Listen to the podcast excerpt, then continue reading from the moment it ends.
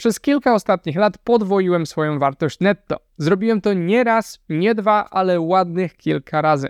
Nie wynikało to z tego, że zainwestowałem wszystko w krypto, ani jakąś spółkę, która wystrzeliła w kosmos. Zanim jakiś bystrzak na to wpadnie, nie dorobiłem się też tych pieniędzy sprzedając kursy o tym, jak zarobić pieniądze. Pewnie w to nie uwierzycie, ale wszystko zaczęło się od tego, że postanowiłem nauczyć się, jak mieć pieniądze.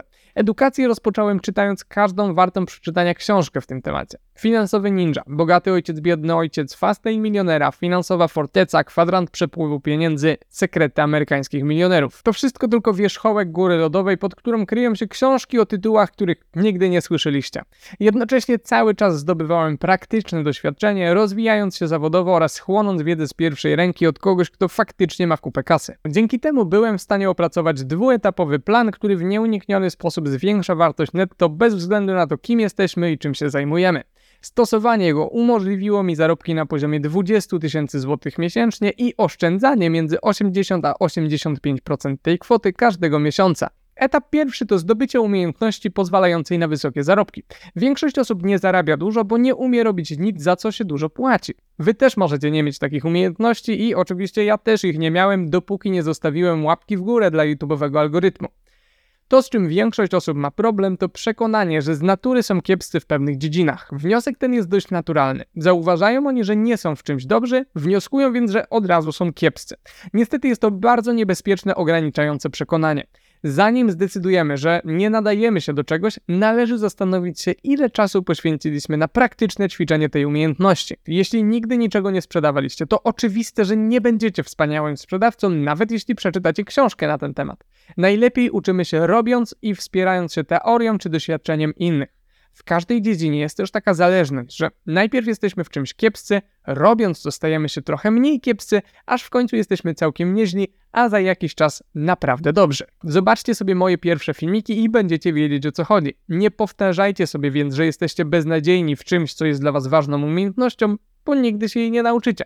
Zamiast tego starajcie się myśleć w kategoriach. Jeśli ktoś to zrobił, to znaczy, że jest to możliwe i jeśli będę robił to samo, to mi też się uda. Ważne też, aby jak najszybciej zdobyć praktyczne doświadczenie i tym samym przyspieszyć naukę tej naszej umiejętności, którą będziemy mogli wykorzystać do tego, żeby zarabiać więcej.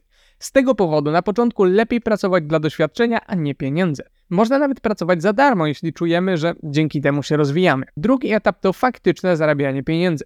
Kiedy mamy już jakąś umiejętność albo przynajmniej zalążek umiejętności, należy ją wykorzystać. Warto jednak mieć na uwadze słowa Warrena Buffetta. Nieważne jak mocno wiosłujesz, ważne do jakiej wsiądziesz łódki. Nie w każdym miejscu zarabia się równie łatwo jeśli chcecie dorobić się jak najszybciej, tradycyjna praca na etacie najprawdopodobniej nie będzie optymalna.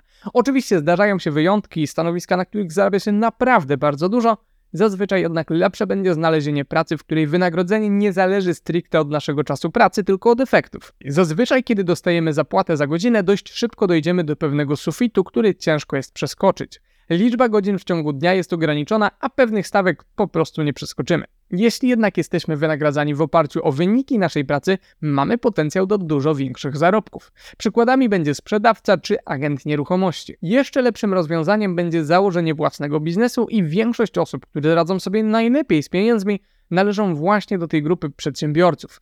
Co więcej, zaczęcie jakiegoś prostego biznesu nie musi być bardzo skomplikowane.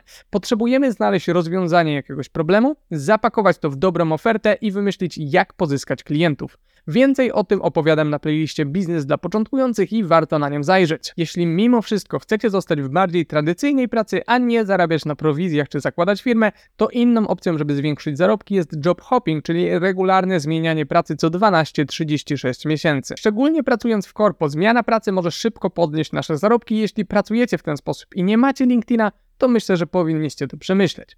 Jeszcze jedną opcją jest też praca za granicą. Możecie wyjechać z kraju i zarabiać znacznie więcej niż w Polsce, albo nawet lepiej zostać tutaj i pracować online z zagranicznymi klientami. Jeśli zastanawiasz się, jak możesz zarabiać poważne pieniądze w internecie i jak osiągnąć niezależność geograficzną, kliknij w link z opisu.